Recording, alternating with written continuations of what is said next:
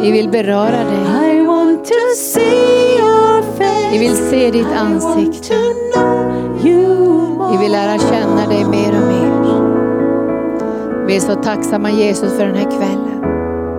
Vi vet att du är här. För du är ständigt närvarande, Herren, den närvarande. Men vi vet att du har lovat att två eller tre är samlade i ditt namn. Där du är mitt ibland dem. Och därför vill jag välkomna dig nu Jesus. Välkommen Jesus. Sträck ut dina sårmärkta händer. För i dina sår finns det helande. Och vi vet Herre att när vi rör vid dig så hela såren, minnen, smärtor, sjukdomar. För du är densamma idag som du var igår och du kommer att vara densamma i all evighet. Och jag tackar dig för att du är här ikväll. Rör vi alla tvivel ikväll, all fruktan, all oro över sjukdomar, diagnoser, och omständigheter. Vi ber att din heliga Ande ska tala in i våra hjärtan att du önskar full hälsa i våra liv. Inte bara 30-faldigt, nej inte 60-faldigt. Du önskar full hälsa och därför går vi ner i ditt heliga vatten som beskrivs i Sekel 47. Där vi går ner i din heliga Andes närvaro för att få del av ännu mer av allt det du har gett till oss. Genom din död och din uppståndelse. För du har sagt här att vi ska bedja ske din vilja så som i himlen så också på jorden. Och vi vet här att i himlen är allting fullkomligt. Där sitter du Jesus på Faderns högra sida och du ber för oss. Och ikväll hör vi din bön i våra hjärtan att du vill ge oss full hälsa. Och vi håller fast vid de orden, full hälsa är vår arvedel. Och jag ber för dem ikväll som har tvivel i sina hjärtan. Kanske finns det någon här ikväll som ännu inte känner dig som sin frälsare. Så ska du Herre öppna varje hjärta, varje hjärterum. Och vi ber dig heliga Ande ikväll går vi in i en atmosfär av läkedom. Tack för den atmosfären av läkedom. Kom helige Ande, kom helige Ande, kom helige Ande. Tack Anita för härlig inledning, inspiration kring kollekten. Visst får man lust att ge? Man känner det här att få bli delaktig i det som Jesus har på sitt hjärta. Det är väl det bästa. Och få göra det här tillsammans. För Gud vill ju att vi ska komma tillsammans. Han håller på att samla sitt folk och han samlar sin jord. Han vill inte att jorden ska förskingras utan han samlar sin jord. Och ikväll kommer vi ju särskilt samman för att få del i Herrens helande smörjelse. Visst är det bra när han säger det två eller tre samlade i hans namn. Där är han mitt ibland dem. Så det betyder inte att han sitter bara på faderns högra sida långt borta i den eviga världen. Utan genom den heliga ande är han här. Han gör samma gärningar som han gjorde när han gick på jorden. Han har samma hjärta, han har samma karaktär och han ändras inte. Väldigt bra. Och då vill jag påminna om något som man ibland glömmer bort och det här är viktigt också inför julen. Och det är Romarbrevet kapitel 12. Att vi ska bära fram våra kroppar till Gud. Och inte bara en gång i veckan eller en gång i månaden utan varje dag i ett erkännande inför Guds ansikte. Att våra kroppar är ett tempel åt den heliga ande. Att våra kroppar är köpta med Jesu blod och att vi inte tillhör oss själva utan vi tillhör Gud. Det här är en väldig tröst faktiskt att få proklamera ut det här i andevärlden. För att berätta vi för, för vår kropp att den kan dricka från Guds läkedom varje dag. Jag hörde att igår så dog Reinar Bonke. Igår på morgonen så dog han och jag har haft den stora förmånen att få predika tillsammans med honom eh, i Oslo för en del år sedan. Och eh, det var ju en gigant i anden, eller hur? Han hade Africa shall be saved, Africa shall be saved. Och jag tror att det var många, många, faktiskt miljoner människor som tog emot Jesus genom hans tjänst. Och jag vet ju att han började inte så där med jättestora kampanjer. Han började ganska, den ringa begynnelsen. I det lilla började han. Och på slutet av sitt liv så fick han ganska, ganska stora attacker och svårigheter i sin kropp. Och det, jag har läst mycket kyrkohistoria, jag ser ju att många stora giganter får attacker i sin kropp. Att, att, man, att det händer saker och attacker. Och det är inget tecken på att man är ur Guds vilja eller att man är en dålig kristen. Det är bara ett tecken på att djävulen vill förkorta våra liv. Eller hur? Så är det ju. Han vill förkorta våra liv. Och det är på hans, hans agenda. Men Gud vill att vi ska ha ett långt liv och det hörde vi ikväll. Ett långt liv. Och han vill välsigna oss.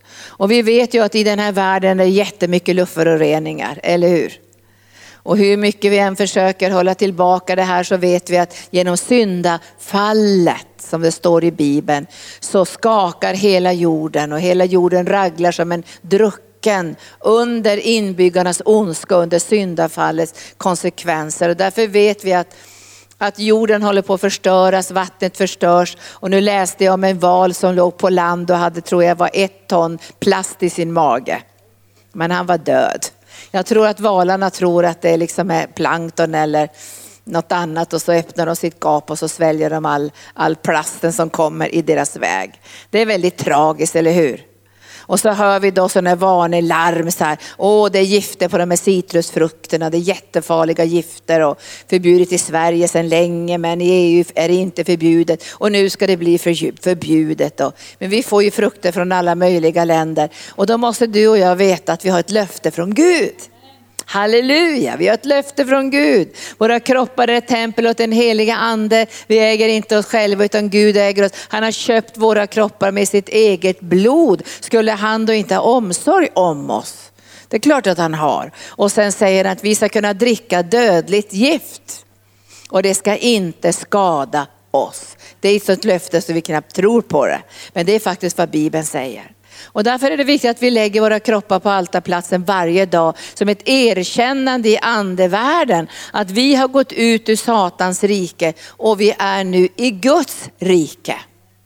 Det är sant, det råder helt andra förutsättningar, helt andra lagar, helt annat sätt att leva i Guds rike. Och igår träffade jag på en kille som aldrig hade varit i arken.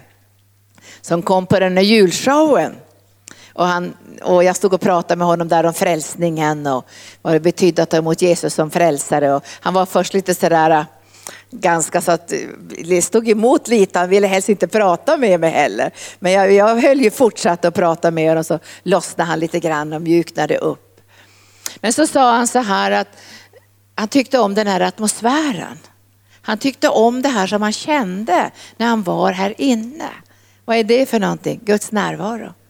Och så sa han, men jag kommer ihåg den här atmosfären, sa han, för jag gick i söndagsskolan när jag var liten. Och då tänkte jag, att om man så har fått ett enda sädeskorn av Guds ord, om man så var två år och fick det sädeskornet, så kommer Gud i den rätta atmosfären att vattna det på en gång. Så att man minns, för Gud har lagt evigheten i varje människas hjärta.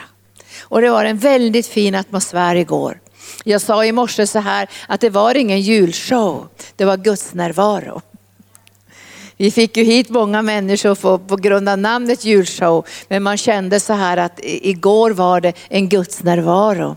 En härligt från himlen där Jesus var här och rörde vid människors hjärta hjärtan. Och jag tror många som var här igår tog emot Jesus i smyg i sina hjärtan. Nu kunde inte jag se händerna för det var så mörkt i lokalen, men jag såg att det var många här som jag visste inte hade tagit emot Jesus än som sin frälsare. Men i den här atmosfären av Guds ande så måste allt mörker böja sig. Och det är samma sak när du och jag bär våra kroppar på altarplatsen. Då bär vi in våra kroppar i Guds närvaro och det är en del i vår gudstjänst. Glöm inte det under julen. Därför vi, vi, vi, vet faktiskt inte vad som, vad som händer i, i, våra kroppar och så här. Vi vet inte riktigt om det. Därför vi vet inte vad som händer i hjärtat. Nu fick en nära vän till mig ringde mig häromdagen och sa att hon är en sån där frisksportare. Alltså joggar och springer och, och är på sådana där motionsdanser och allt sånt där riktigt frisk typ. Hon fick hjärtinfarkt häromdagen. Helt bara kom från, från ingenstans så fick jag hjärtinfarkt. Och fick gå till läkaren och, och, och, läkaren sa att en del av hennes hjärta, kranskärlen här var igentäppta. Och hon hade inte en aning om det. Inte en aning om det. Men när du lägger din kropp på altarplatsen, då ska du be till Gud att han rör vid de olika delarna i din kropp. För du, kan ju inte, du har ju ingen röntgen så du kan se in i din egen kropp. Jag ska läsa det här för dig ifrån Romarbrevet, för jag tycker det är så jätteviktigt att vi kommer ihåg det. Jag kan till och med glömma bort det själv. Jag gör ju det ofta när jag ligger kvar i sängen så överlåter jag min kropp till Gud och lägger handen på mitt hjärta och ber att Gud ska beröra mina lungor och min lever och, och mina njurar och att den heliga ande ska röra vid min kropp. För jag tror ju att anden har ju inte någon, det är ju som himmelska röntgenstrålar. Helige ande går in i, i kroppen. Så Romarbrevet 12 så säger han så här, det här är en uppmaning, det är ingen befallning. När vi går ut och predikar evangelium så är det en befallning. Då befaller han oss. Men här är en uppmaning, ett ansvarstagande för själva livet. Så säger han så här, jag uppmanar er nu eller inspirerar er bröder vid Guds barmhärtighet. Han säger så här, Frambär era kroppar som ett levande och heligt offer som behagar Gud, er andliga gudstjänst. Så att bära fram sin kropp till Gud är en andlig gudstjänst. För Gud vill att du och jag ska hålla. Det är väl det han tänker, vi ska hålla. För det uppdrag som han har kallat oss till. Och jag hade önskat att Reine Bonke skulle ha fått leva till han var 90. Han dog när han var 79. Jag tycker att det är alldeles för tidigt.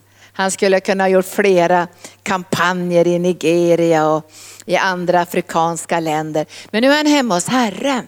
Och jag tänkte på honom igår så tänkte jag, ja men vi är alla främlingar i den här världen, eller hur? Till och med i Bibeln säger att vi är gäster i den här världen. Vi är pilgrimer. Egentligen trivs inte vi så bra i den här världen, eller hur? Vi trivs inte i den här världens sätt att leva, sätt att tala, sätt att prioritera. Vi trivs inte i världens superfester och fylleslag och alla de här så Vi trivs inte där. En av våra medarbetare sa, hon hade varit på en, en, en personalfest där de inte var troende och så, hon gick direkt från våran eh, igår då, våran lite julshow igår och så var hon på den här världsliga festen och så sa hon så här, det, det var en sån kontrast var som en kontrast. Så, så det, var, det var som att man kom in i en helt annan värld. Som jag inte skulle, som hon menade, här skulle inte jag vilja vara ens. Då ska jag säga dig, när du kommer till himlen, då kommer det att vara den perfekta världen för dig. Alltså den världen när du kommer hem till Herren kommer att vara mycket, mycket, mycket, mycket underbarare än den här världen. Och du kommer att känna, det här är verkligt hemma. Så kommer du att känna, det här är verkligt hemma. Här trivs jag. Här är det mysigt. Här är min plats. Här är inte jag främling. Här är inte jag pilgrim. Här är inte jag någon flykting. Utan nu är jag hemma. Så jag tänker att Reinar Bonke, nu är han hemma. Nu får han lägga av sig den här staven och gå in i Guds härlighet på glashavet där och jubla. Men vi som är kvar här på jorden, vi ska tjäna Gud med full kraft och därför är det viktigt att du gör det här. Att du lägger kroppen på altarplatsen, att du inte överäter i jul. Utan att du håller en återhållsamhet i den heliga ande. Så att det finns ju många frestelser att överäta under juldagarna men att du håller tillbaka och tänker att min kropp är ett tempel åt den heliga ande och jag önskar inför Herrens ande att få hålla länge för att bära Herrens smörjelse. Får jag ett amen på det? Amen. Så glöm inte det och vi får påminna varandra också om att lägga kroppen på altarplatsen. Jag ska läsa, jag har många saker på mitt hjärta ikväll men jag måste fortsätta i det tema som pastor Gunnar hade i morse och som Anita kom med också. Det här att bevara ordet genom tron i våra hjärtan. Och nu ska vi läsa ett ord som om Jesus här i Johannes evangelium och kapitel 8. Vi ska läsa om en konfrontation. Jesus hamnar ju ofta i konfrontation. Jag gillar inte konfrontationer, gör du det? Jag gillar konfrontationer ibland när jag möter dem rätt mot ondskans makter. Alltså när jag ska befria människor eller bryta sjukdomens makt och sådana saker. Då kan jag tycka att det är underbart med konfrontation. Men jag tycker inte riktigt om konfrontation när det gäller att möta människor i konfrontation. Det, det, är inte särskilt kul. Men Jesus visste ju att det var egentligen inte konfrontation med människor utan det var med mörkrets makter. I evangelium är det inbyggt en konfrontation. Det är inbyggt en konflikt. Och vi behöver veta det här, den här inbyggda konflikten, så vi inte blir oroliga eller rädda när vi möter på den här konfrontationen. Därför att evangelium skär ju igenom mellan ljus och mörker. Mellan sjukdom och hälsa, mellan lögn och sanning, så bryter det igenom. Och det verkar som att Jesus var inte rädd för det här. För han visste liksom att fort jag kommer, tänkte Jesus, då bryter det igenom. Och folk blir helade och demonerna böjer sig och läkedomen flödar. Men ibland blir det också lite bråk så här. Och då ska jag läsa för dig ifrån Johannes evangelium kapitel 8. Där judarna i den 52 versen, de säger sådana här fula saker här. De säger i 52 versen i 8 och 52, nu vet vi att du har en ond ande. Nu vet vi att du har en ond ande. Och um, han hade predikat då kraftfullt innan och så säger de så här. Abraham dog och liksom profeterna och du säger den som bevarar mitt ord ska aldrig någonsin smaka döden. De trodde inte på det. Abraham dog och profeterna dog. Men du säger om man smakar ditt ord då ska man aldrig någonsin smaka döden. Jag har ingen lust att smaka döden, har du det? Vi ska smaka livet. För han säger, och då säger de till är du större än vår far Abraham? Han dog och profeterna är döda. Vem tror du att du är? Jesus svarade, om jag ärar mig själv är min ära ingenting värd. Men om min far ärar mig, han som ni kallar er Gud, ni känner honom inte men jag känner honom. Och om jag sa att jag inte känner honom skulle jag vara en lögnare som ni. Men jag känner honom och bevarar hans ord. Abraham, er far, jublade över att få se min dag. Han såg den och gladde sig. Judarna sa, du är inte 50 år än och Abraham har du sett. Jesus svarade, jag säger er sanningen, jag är innan Abraham fanns. Då tog de upp stenar för att kasta på honom. Men Jesus drog sig undan och lämnade tempelplatsen. Här säger Jesus någonting om vem han är och var han kom ifrån. Han var före Abraham. Det var han och Fadern och den heliga ande som valde ut Abraham. Det var de i himlen som sa, vi väljer ut Abraham som bor i Ur i Kaldén och sen sänder vi honom till Israel. Vi kallar på honom. Det var Jesus som satt där och kallade på Abraham. Och när Jesus föddes in i den här världen, då gladde sig Abraham som var någonstans då i himlen.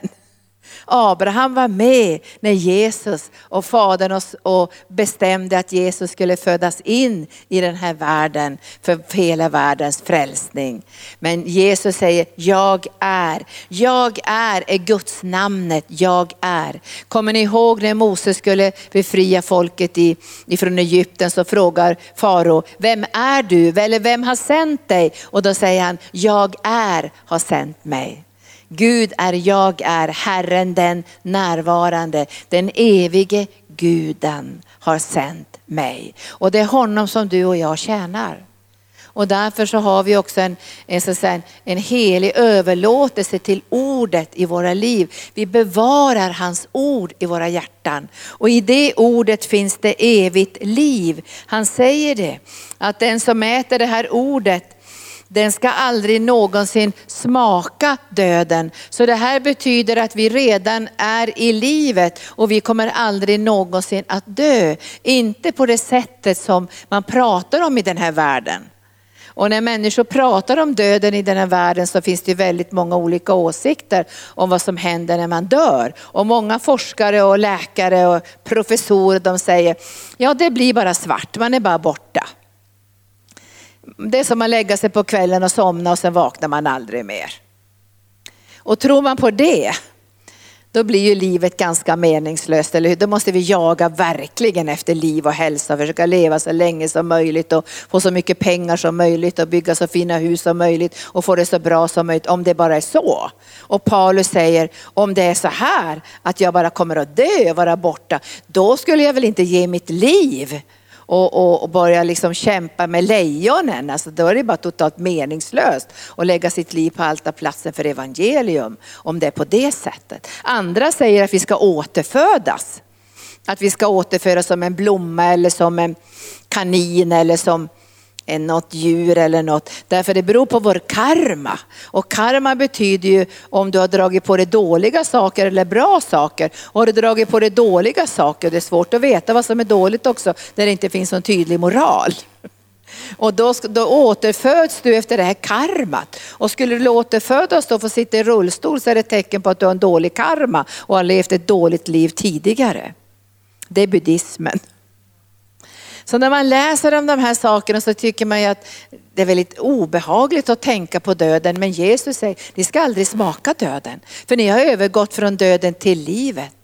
Han har friköpt oss ifrån graven. Så när du får lämna din kropp så kommer du inte att dö. Vi, kan, vi ska inte prata om att folk har dött heller på det där sättet som vi tänker på i världen. Utan vi ska ta att de har gått hem till Herren. Och i frälse säger man befordrad till evigheten. Det låter bra va? Så du kommer bara gå ur din kropp in i ljuset, in i en annan värld där du är mycket, mycket mer hemma än i den här världen. Och det är därför vi tycker om att samlas här och prisa Herren, hur vi vill påminna oss om att vi tillhör den andra världen. Vi tillhör himmelriket. Himmelriket är nära. Himmelriket är mitt ibland oss. Men inte bara det, vi är här för att bygga Guds rike. Och det gör vi inte som privatpersoner. Det, det gör vi inte som en liten grupp på tre, fyra stycken, utan det gör vi som Guds folk, som Guds församling. När vi kommer samman så bygger vi Guds rike så människor ska få smaka himmelriket ibland oss. Det är därför vi bygger Guds rike, för de ska få en försmak av himlen. Och det är därför som vi avstår från kiv, kiv och strid och bråk och kötslighet. För det är ju ingen försmak från himlen, det är en försmak från helvetet. Och de flesta har ju redan haft det hemma. Kanske i sina äktenskap eller på sina arbetsplatser, försmak av helvetet. Men här ska det vara en försmak av himlen och då ska det råda en atmosfär av läkedom. Halleluja! Där är det himmel, där det råder en atmosfär av, av läkedom och därför ska vi bevara hans ord om läkedom. Vi ska bevara de här orden i vårt hjärta om läkedom och vi ska inte bara bevara dem på ett intellektuellt sätt, vi ska bevara bevara dem djupt i våra hjärtan så de får påverka hela vår kropp. För det står i Ordspråksboken 4 att de ska bli till läkedom för vad då? Hela vår kropp. Därför det finns kraft i ordet. Och det är det som Jesus säger här. Han säger på ett annat ställe att mina ord är ande och liv. Men han bevarar Guds ord i sitt hjärta. Och när Jesus bevarar Guds ord i sitt hjärta så finns det en sån otrolig auktoritet när han talar. Och jag tänkte på det här idag när pastor Gunnar predikade. Så tänkte jag, vi behöver växa i auktoritet och tro på Guds ords auktoritet i vår mun. Eller hur? Gud vill att vi ska tro på Guds auktoritet i vår mun. Att han ska kunna använda vår mun. För det står liv och död har tungan i sitt våld. Och den som brukar henne får äta hennes frukt. Och då tänkte jag så här, vilken frukt vill jag äta? Alltså jag vet att den goda frukten. Alltså den goda frukten av min tunga när jag kallar på det som inte finns så som det fanns. När jag kallar på hälsa, kallar på glädje, kallar på liv, kallar på, på och goda ting som jag vet finns i försoningen och i Guds löften och i det här arvet som vi har fått. Men liv och död har tungan i sitt våld. Och pastor Gunnar han predikade från Markus 11 idag. När han talade om den här auktoriteten. Och Jesus hade ju den här auktoriteten när det gällde helande, eller hur? Alltså han tvekar ju aldrig. Han stod inte och tänkte, åh hoppas Gud helar, hoppas Gud helar. Utan han hade en sån frimodighet så han, han sa ju bara till en människa, res dig upp. Ta din säng och gå, sträck ut din hand. Alltså han hade en sån frimodighet Jesus i sin ska säga, tro på att Gud var det och gjorde det som han hade lovat. Alltså på det sättet bevarade Jesus Guds ord i sitt hjärta.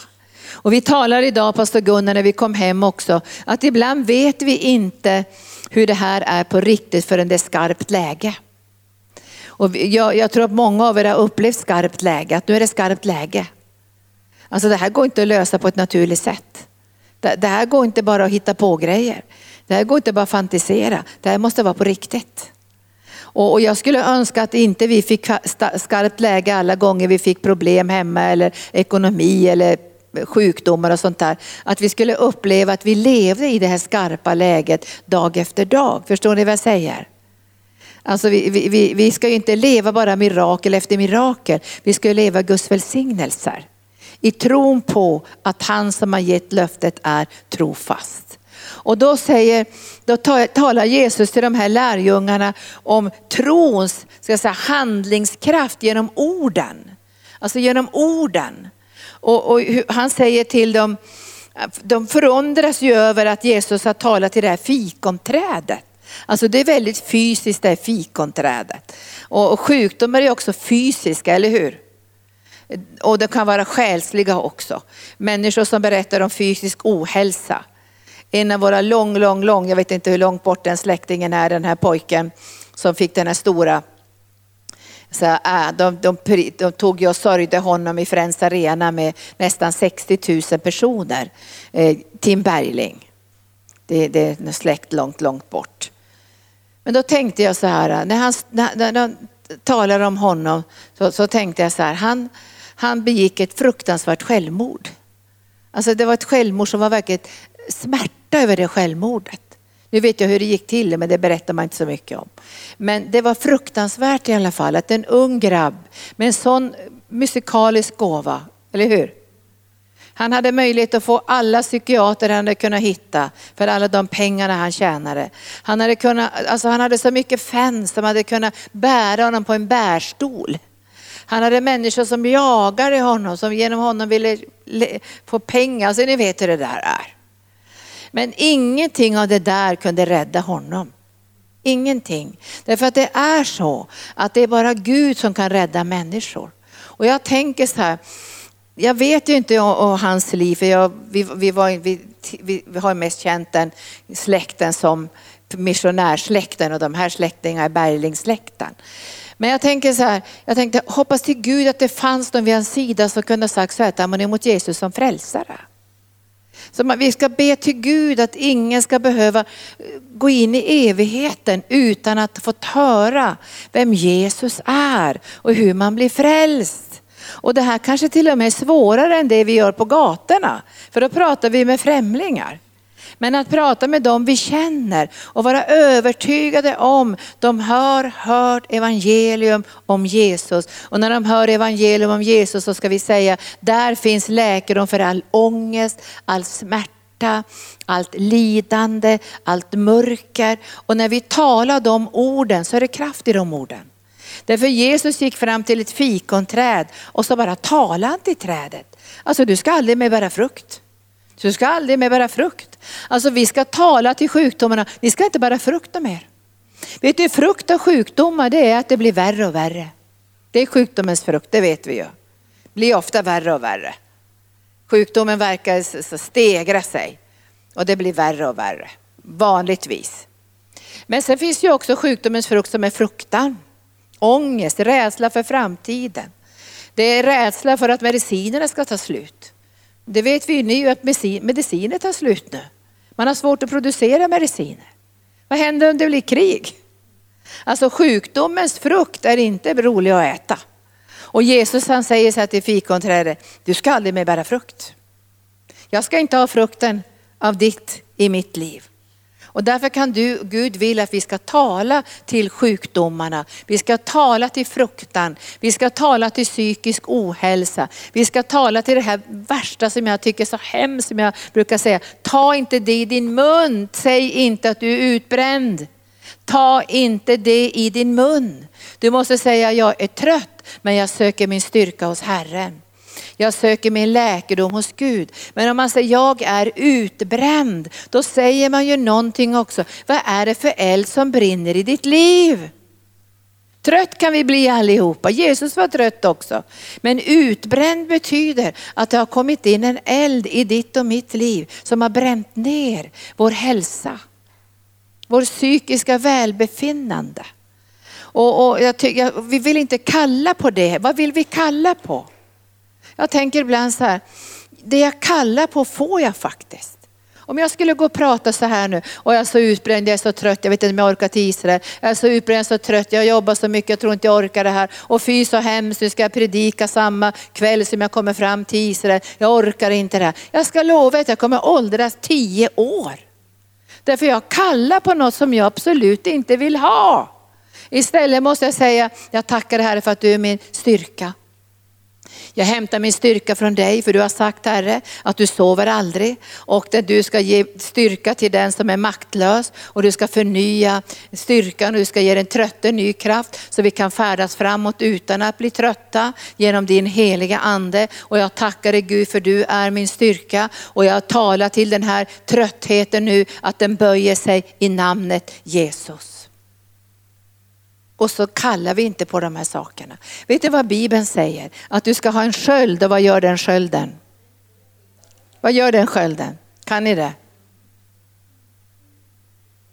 Precis, de brinner de där pilarna. Hur många skjuter han om dagen? Många. Har du känt någon gång brinnande pilar? De bränner till i sinnet och de bränner till i känslorna och de bränner till så man bara känner, man slår till mot ens liv.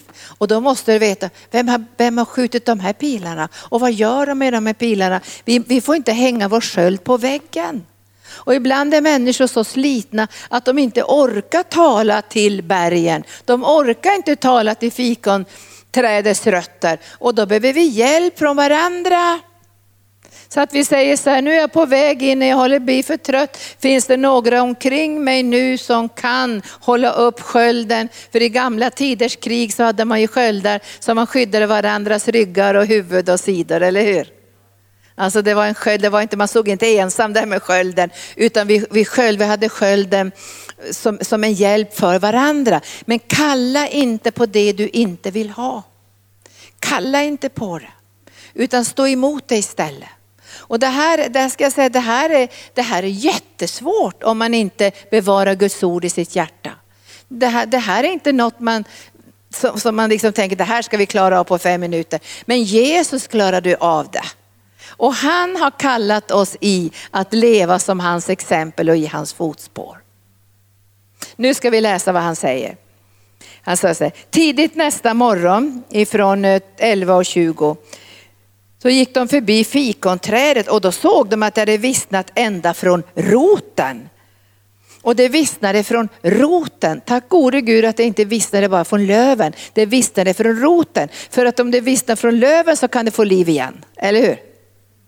Det vet vi nu att det är alldeles dött ute i naturen. Men det är inte dött i roten. Vi skulle kunna tänka att nu har alla träd dött i hela skogen. Det har de inte gjort. De har inte dött i roten. Men alla löv har dött.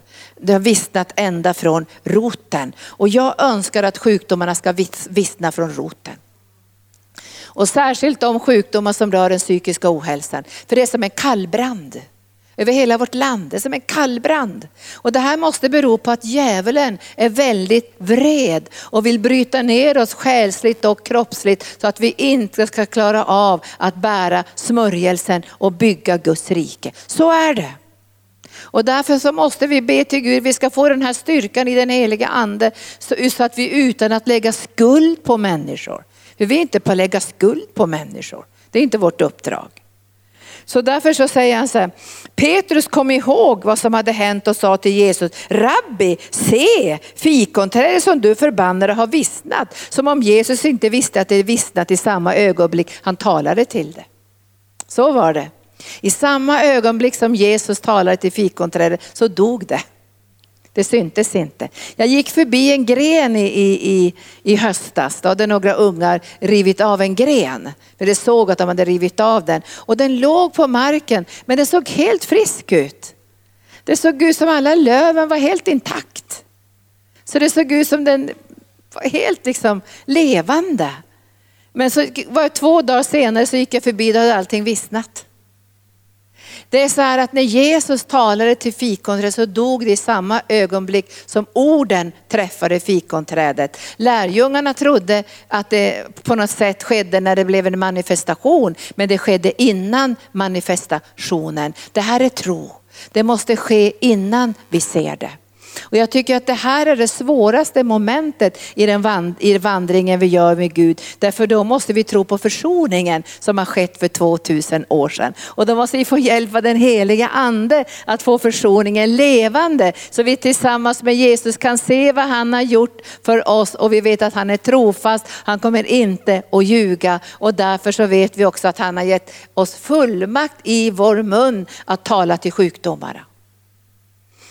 Och så säger Jesus till dem, nu, nu svarar han dem så här, det han själv håller på med. Alltså han ber inte dem göra något som inte han redan gör. Han säger så här, ha tro på Gud. Ha tro på Gud. Ha tro på Gud. Jesus hade tro på Gud och därför kunde han tala med makt. Och vi ska be ikväll, när vi ber för sjukdomar ikväll så ska vi tala med makt. Vi ska alltså förbanna rötter av sjukdomar, rötter av psykisk ohälsa, rötter av, av, av, jag vet inte alla namn som sjukdomar har, men vi ska befalla de här rötterna att dö. Och då vet vi att vi är på väg in i hälsa mer och mer. Jag läser vidare, ha tro på Gud. Jag säger er sanningen jag säger er sanningen säger Jesus. Om någon, nu tycker jag om ordet någon för det är inte Reinhard Bonke, han som vann flera miljoner för Jesus. Eller Peter Ljunggren som har jättestora kampanjer. Eller pastor Persson som har 5000 i församlingen. Om någon. Det räknar jag in mig och dig. Eller hur? Om någon. Det kan ju vara vem som helst. Det kan ju vara ett barn. Kommer du ihåg vad Gud säger i Salta salmen 8? Jag har lagt min makt i barn och spenabarns mun för att nedslå den fienden, den, den hämndgirige fienden. Så där fanns det makt i de minsta barnens mun och det är därför som barnen också måste lära sig att tala Guds ord. Och det här är något som Jesus vill. Därför barn är lika utsatta för mörker som vi är. Har ni sett vad mycket barn som får cancer? Mängder med barn får cancer. Alltså cancern är farsot nu. Nu har man ändrat och sagt så här, förut sa var fjärde person kommer att få cancer, då får hela familjen cancer för alla påverkas av cancer. Men nu har de ändrat sig och säger var tredje person får cancer. Ska vi tro på det? Nej, vi står emot det i namnet Jesus. För ni ska inte få cancer, jag ska inte få du ska inte få cancer. Vi står emot det i namnet Jesus. Alltså vi har bestämt här på Arka, vi står emot det i namnet Jesus. Och skulle någon få en diagnos och får de berätta om det så står vi emot den i namnet Jesus. Men vi kommer att stå emot den i namnet Jesus. Vi kommer att stå emot den, för vi vill inte att folk ska dö i förtid. De ska bära smörjelsen och Guds härlighet. Därför står vi emot det. Vi har tro på Gud och vi måste vara överens där att vi står emot det. Och, och kärlek är inte bara att visa någon slags tröst för människor som blir sjuka. Ibland tror vi att det är kärlek. Men kärlek är många gånger att stå emot det här och hjälpa varandra också att förbanna de här sjukdomsrötterna så att de inte får makt att sprida sig och påverka hela kroppen och hela själen. Ha tro på Gud. Jesus han säger så här, han säger så här, jag säger det sanningen. Om någon säger till det här berget, om någon, och då kanske jag säger, om någon enda förstår att säga till det här berget. Finns det någon som förstår att tala till berget? Eller ska vi prata om berget? Då kan vi få många samtal om vi ska prata om berget. För berget har många olika, eh, så att säga, berget kan tala till oss. Men vi ska tala till berget. Och vad ska vi säga till berget? Du har ingen plats i mitt liv. Du har ingen plats i arken. Du har ingen plats i de här syskonen ikväll. Du har ingen plats här. Flytta på dig. Flytta på dig. Du ska ge plats till Jesus. Flytta på dig. Och jag tycker att sjukdomar är ovilliga att flytta på sig. Men de, även om de inte flyttar sig från min kropp på en gång så ska de flytta sig från mitt psyke. Från mina tankar, från mina känslor. Det är inte säkert att de flyttar från min kropp på en gång. Men jag tänker inte ha dem i mina känslor hela tiden eller i mina tankar hela tiden och min oro och allt det här. Men, men jag önskar också att sjukdom ska flytta ut ur våra kroppar. Det ska ut ur våra kroppar och vi ska tala till sjukdomen med bestämda ord. Du har inte plats här. Du har ingen plats i mitt liv, du har ingen plats i Kalles liv, i Lenas liv, i, i, i Julias liv eller vad alla heter. Du har ingen plats där, du har inte rätt att vara där. Det är vår inställning till sjukdomen. Vi kan förstå att det är jobbigt att bli sjuk. Det är inte kul att bli sjuk. Som jag sa till min dotter som hade fått det här hjärtproblemet, du ska bli fullt frisk. Därför är det Guds vilja att du ska bli fullt frisk. Vi ska stå tillsammans att du ska bli fullt frisk. Det är det som jag kan ge dig. Jag kan hålla om dig och jag kan vara kärleksfull. Men det bästa jag kan ge dig är sanningen. Vi kan vara snälla. Jag har varit diakonissa och varit snäll mot människor. Jag fick inte säga något om Jesus, jag fick bara vara snäll och trösta och så här. Men det bästa jag kan ge människor är sanningen. Jag säger det sanningen. Att vi ska tala till de här sjukdomarna, de ska böja sig. De har ingen plats här. De ska släppa taget, de ska flytta på sig. Känner ni, känner ni att ni får stridsanden nu? Känner ni det? Jag får stridsanden här. Man börjar känna, nej här får det vara nog. Nu får det vara nog. Nu får det vara nog mellan dessa barncancer och attacker och sjukskrivningar och, och alla dessa utbrändhet och alla psykisk ohälsa och alla självmord. Nu får det vara nog. Eller hur? Nu får det vara nog. Visst? Du känner det också? Får jag höra när du säger det? Säg så här, nu får det vara nog. Böj dig i Jesu namn. Nu får det vara nog. Du tar i så det hörs. Vi tar i så vi tappar rösten. Nu får det vara nog. Ja, vi får göra det, för får vi säga till oss själva också. Får det vara nog? Ibland när man sitter och klagar och börjar prata negativt. Får det vara nog? För det här ska inte ta utrymme i mitt liv och i mina tankar och i min tjänst. Jag, jag har inte tid med det. Eller jag vågar inte det heller. För jag vill inte kalla på det jag absolut inte vill ha. För jag vet vad jag vill ha. Måste få hälsa och styrka och eh, övervinnande smörjelse och klara av saker. Alltså jag måste kunna tala till de här bergen. Och nu, nu säger Jesus att det här är sanningen. Att tala om bergen, vet du, det går ju lätt som helst. Men att tala till bergen. Han säger, tala till det här berget, lyft dig och kasta dig i havet. Och då ska ni inte tvivla i ert hjärta, utan ni ska tro att det han säger ska ske, eller den som har sagt det ska ske. Vi tror att det ska ske när vi har sagt det. Och jag tänkte, hur i all världen ska jag tro att det ska ske när jag har sagt det? Det jag kan bara tro det därför att Jesus har sagt det till mig. Att jag, jag, jag, tror inte att han ljuger och hittar på och överdriver och hittar på en massa grejer som jag sen ska bli besviken på. Alltså, i, i, om jag inte tvivlar i mitt hjärta så äh, beror det bara på att jag litar på honom. Att jag tänker det här är min kärleksförklaring till Jesus. Därför släpper jag inte in tvivel i mitt hjärta. Och visst släpper vi in tvivel ibland och vi är ärliga, eller hur? Vi släpper in tvivel. Vi har talat i berg, sen undrar vi undrar hur det kommer att gå. Men vi ska träna oss mer och mer att låta tron sjunka ner så djupt att den inte får plats för tvivel. Och pastor Gunnar han gick ju bara snabbt igenom och sa någonting om Abraham. Men det står ju i Romarbrevet 4 att Abraham står det, han tvivlade inte i otro. Utan han blev allt starkare i sin tro. Och så står det vidare så här, för han visste att den som hade gett löftet var trofast. Alltså det var den enda plats som han kunde hålla fast det här, det var att han visste att den som hade gett löftet är trofast. Och jag, jag kan inte, om Jesus ljuger här, då ljuger han i allt. Jag hörde en rolig historia, eller det var kanske inte så rolig egentligen. Det var en gubbe som skröt något så fruktansvärt. Alltså han berättade rövarhistorier, vad han hade fått betyda, vad han hade gjort och vad han hade rest över världen. Och han sa att jag har, jag har faktiskt inga problem, sa han, och jag har ingen, ingen svaghet i mitt liv. Det var, jag förresten sa, det finns en enda svaghet jag har i mitt liv. Och det är att jag inte talar sanning. Då visste vi att allt som han hade sagt var lögn, eller hur?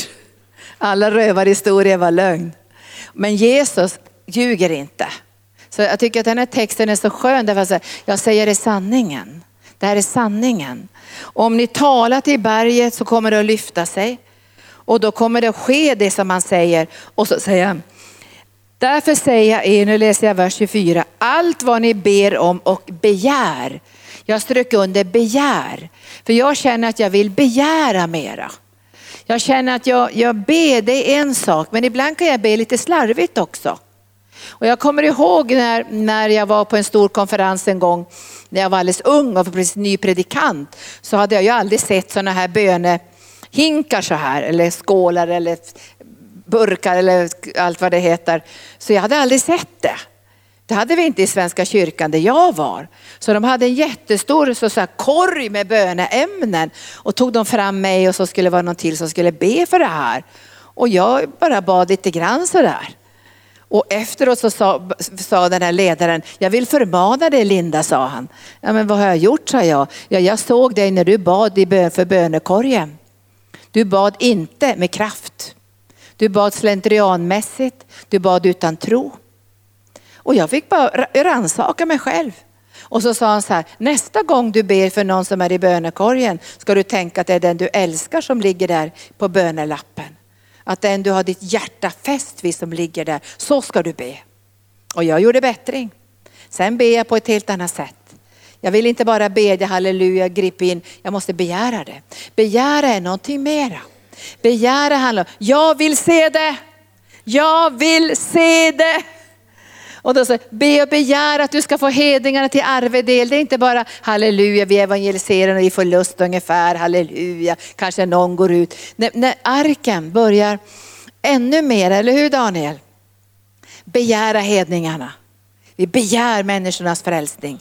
Alltså då blir det en bön som blir lite djupare, mer engagerande, som kommer att påverka oss mera och ta oss ut ur bekvämlighetszonen. Vad säger du? Tycker du att jag predikar bra eller är jag jobbig? Är jag jobbig? Nej, inte så farligt. Tack Jesus. Jag ber och begär. Om jag är helt frisk så kan jag bara be. Tack Herre för din hälsa, prisade Gud att jag mår så bra och jag slipper ta blodtrycksmediciner och jag har ju inte ont i knäna och andra har ont i knäna men jag har inte ont i knäna, tack Jesus. Men när det kommer till att en attack kommer, då måste du veta vad det är begära. Att begära. Det går lite djupare. Och man kan ju öva sig på andra, eller hur? Om inte du är sjuk själv kan du öva dig på andra och be och begära deras hälsa. Därför att du är mån om deras hälsa. Du är mån om att de ska bli friska. Du är mån om att de ska gå på en andlig väg och därför ber du och begär. Och det går lite djupare det här. Det, det är inte bara liksom ytlig allmän bön utan man känner det här går djupare. Det kan gå så djupt att man kommer in i det som kallas för barnsnödsbön. Och det kan vi läsa om i Galaterbrevet när, när hela församlingen hade blivit förhäxad kommit in i lagiskhet, i judendom. Då säger Paulus så här, måste jag på nytt föda er till liv? Jag måste, föda, jag måste gå in i en djupare bön för att få ut er ur den här lögnen och förhäxandet och för alla de här äh, judiska fablerna och allt det här som ni har kommit in i. Jag måste föda er till liv igen så ni kommer in i nytestamentligt tro på evangelium. Och så kommer han in i en djupare form av bön. Och ibland ber han så att han, han gråter och Jesus bad ju så att under tårar bad han, står det i Hebreerbrevet, för att att få bönesvar. För han skulle bli tagen ur sin ångest och få se uppståndelsen ifrån de döda. Det var en djup bön. Och jag, jag tror det här när vi ber och begär så händer det något i vårt hjärta. Och så säger han, allt vad ni ber och begär, tro att ni har fått det och det ska bli ert. Halleluja. Tro att ni har fått det. Tro att ni redan har det innan ni har sett det, så ska det bli ert. Det här är något väldigt speciellt. Och nu ska ni få en sista text innan vi går in i bönen. För vi ska bryta sjukdomens makt ikväll. Vi, vi ska gå in i, vi ska verkligen, det är kärlek det här. Det här är kärlek. Om jag skulle bli allvarligt sjuk så vill inte jag ha en massa mänsklig tröst. Jag vill ha krigare vid min sida som kan bryta sjukdomens makt, som kan förbanna sjukdomens rötter, som kan stå vid min sida och ge mig ord från himlen så att jag kommer igenom och segrar och inte dör i förtid. Jag vill inte ha några, något, sånt där vad läkarna har sagt tidigare, vilka diagnoser och prognoser och vad så. Jag är inte intresserad av det. Jag vill komma igenom med kraft. Jag vill veta, finns det någon som kan tala till bergen? Finns det någon som kan förbanna fikonträdets rötter? Finns det någon som kan begära på ett sådant plan att vi kan få mirakel på den här platsen? Och jag tror att vi är på väg in i det. Jag tror det. Jag tror det. Att det håller på att hända någonting. Vi börjar få skarpt läge. Vi börjar känna, nu får det vara nog. Nu får det vara nog. Vi börjar känna på insidan, får det vara nog. Får det vara nog med de här krafterna som sliter och drar i folk. Som bränner ut dem och skadar dem och, och ger dem sjukdom. Får det vara nog. Alltså vi bara känner det på insidan. Och nu ska vi se en situation när Jesus, vi sjöng ju den här sången också ifrån Johannes evangelium kapitel 11. Så det var precis i linje med det som skulle bli vårt exempel ikväll. Vi sjöng så här, sade jag inte om du trodde skulle du få se Guds härlighet. Det är från Johannes evangelium kapitel 11. Och det här säger Jesus till Marta. Säger han till Marta. Och det här, det här börjar med att um, i versen, vi, ska börja, vi kan börja redan i versen fem så, så läser jag bara lite grann, eller sex. När Jesus hörde att Lazarus var sjuk så stannade han ändå två dagar där han var. Jobbigt va? När han hörde att han var sjuk så sprang han inte direkt dit, utan han, det var något han ville markera eller demonstrera. Så att du och jag skulle få en demonstration på tro. Tror ni inte det? Han hade kunnat springa dit, det var ju, han väntade två dagar, men han ville demonstrera någonting för dig och mig. Trons kraft. Och sen säger han så här, han, säger så här, Låt oss gå tillbaka till Judeen. Lärjungarna sa till honom, rabbi, nyss försökte judarna stena dig och nu går du dit igen. Men, men så säger han, så säger han, han säger olika saker. Sen, sen säger han så här i versen 11. Vår vän Lazarus sover, men jag ska gå för att väcka honom. Då sa lärjungarna till honom, Herre sover han så blir han frisk. Jesus talar tro. Han ljuger inte, han talar tro. Han sover. Jag ska gå och väcka honom så blir han frisk. Nu tror lärjungarna att han bara sover och att han, han ligger och sover för att bli frisk. Men, men Jesus säger så här, nej, Jesus talar om att han var död. Men de trodde att han talade om vanlig sömn. Då sa Jesus helt öppet till dem, Lazarus är död. Men för er skull, för att ni ska tro, är jag glad att jag inte var där. För er skull, för att ni ska tro, var jag glad, är jag glad att jag inte var där. Han ville visa någonting av trons kraft. Och jag tror att han gjorde det här för dig och mig för att vi skulle få en demonstration. Nu tror inte jag att vi är där idag i arken eller i Sverige eller inte ens i andra länder. Men vi är på väg in i det här.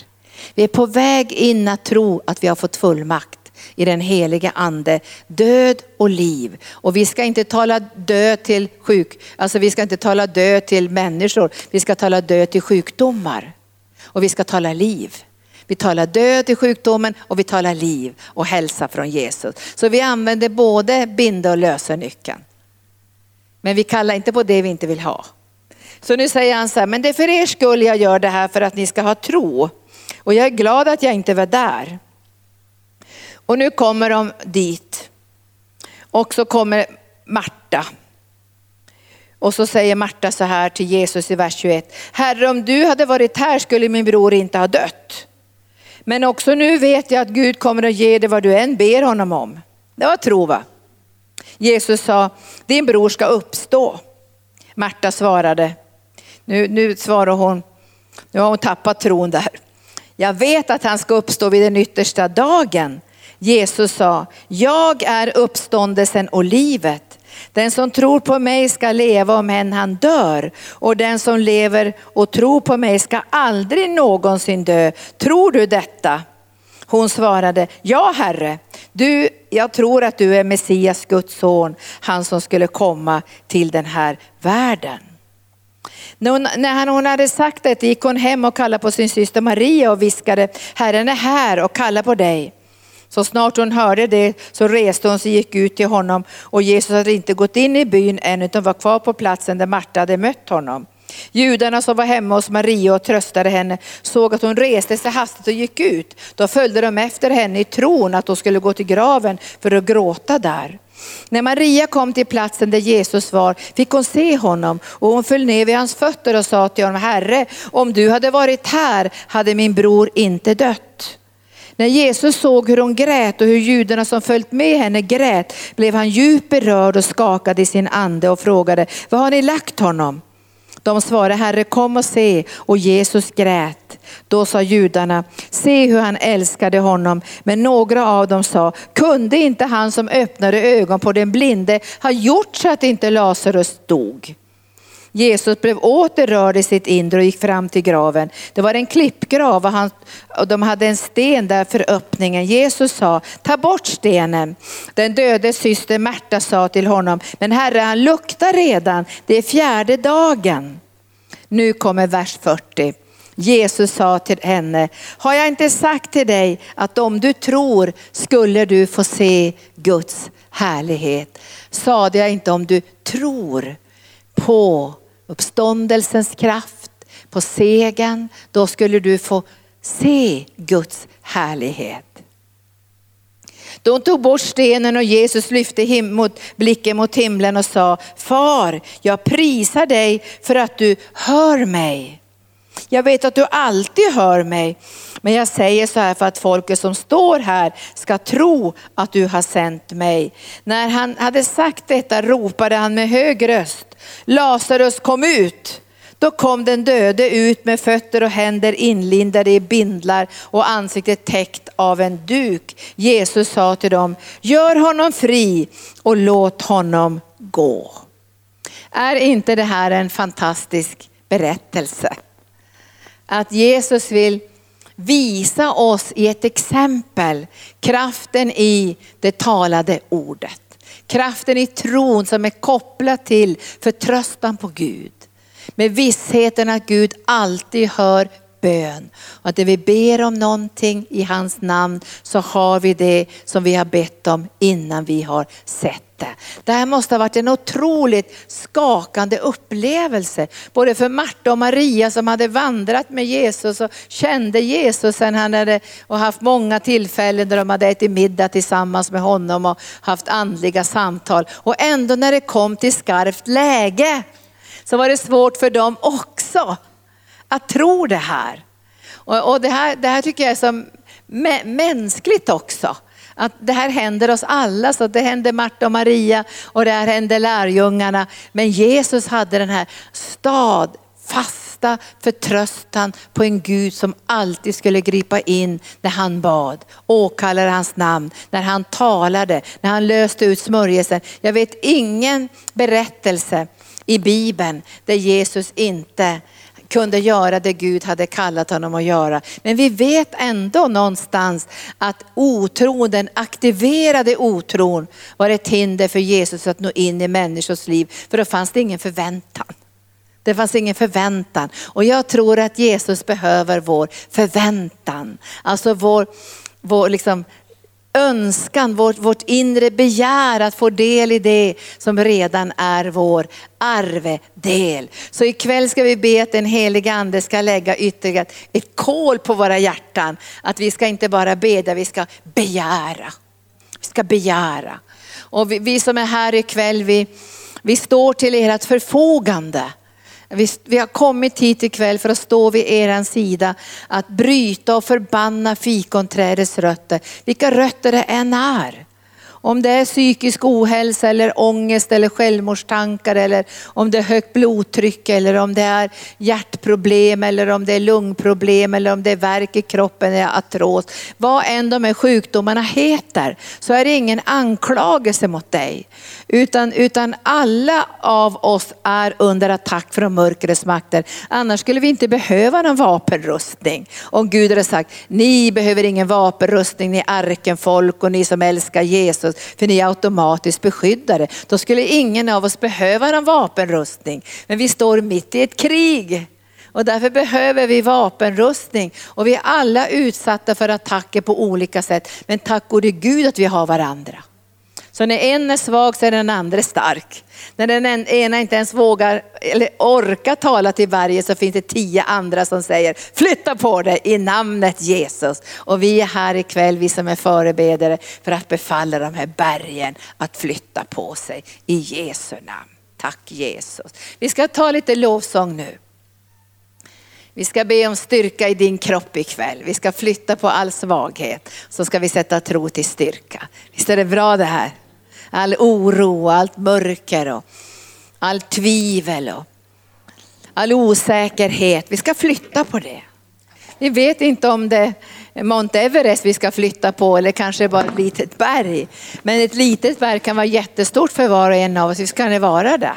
Ett litet berg kan vara som Mount Everest när det väl har ställt sig i vägen för vårt liv. Det kan vara brist på favör på en arbetsplats, det kan vara oro att åka hem till sin familj över jul, det kan vara mycket bråk i familjen, det kan vara ett jätteberg. Medan andra skulle tycka att det där var väl ingenting. Men för dig kanske det är ett jätteberg och för mig är det ett berg. Men vi vet att vi har fått auktoritet att tala till de här bergen och de ska flytta på sig. De ska flytta på sig. De har inte rätt att stå kvar. Varför det? Därför Jesus är större.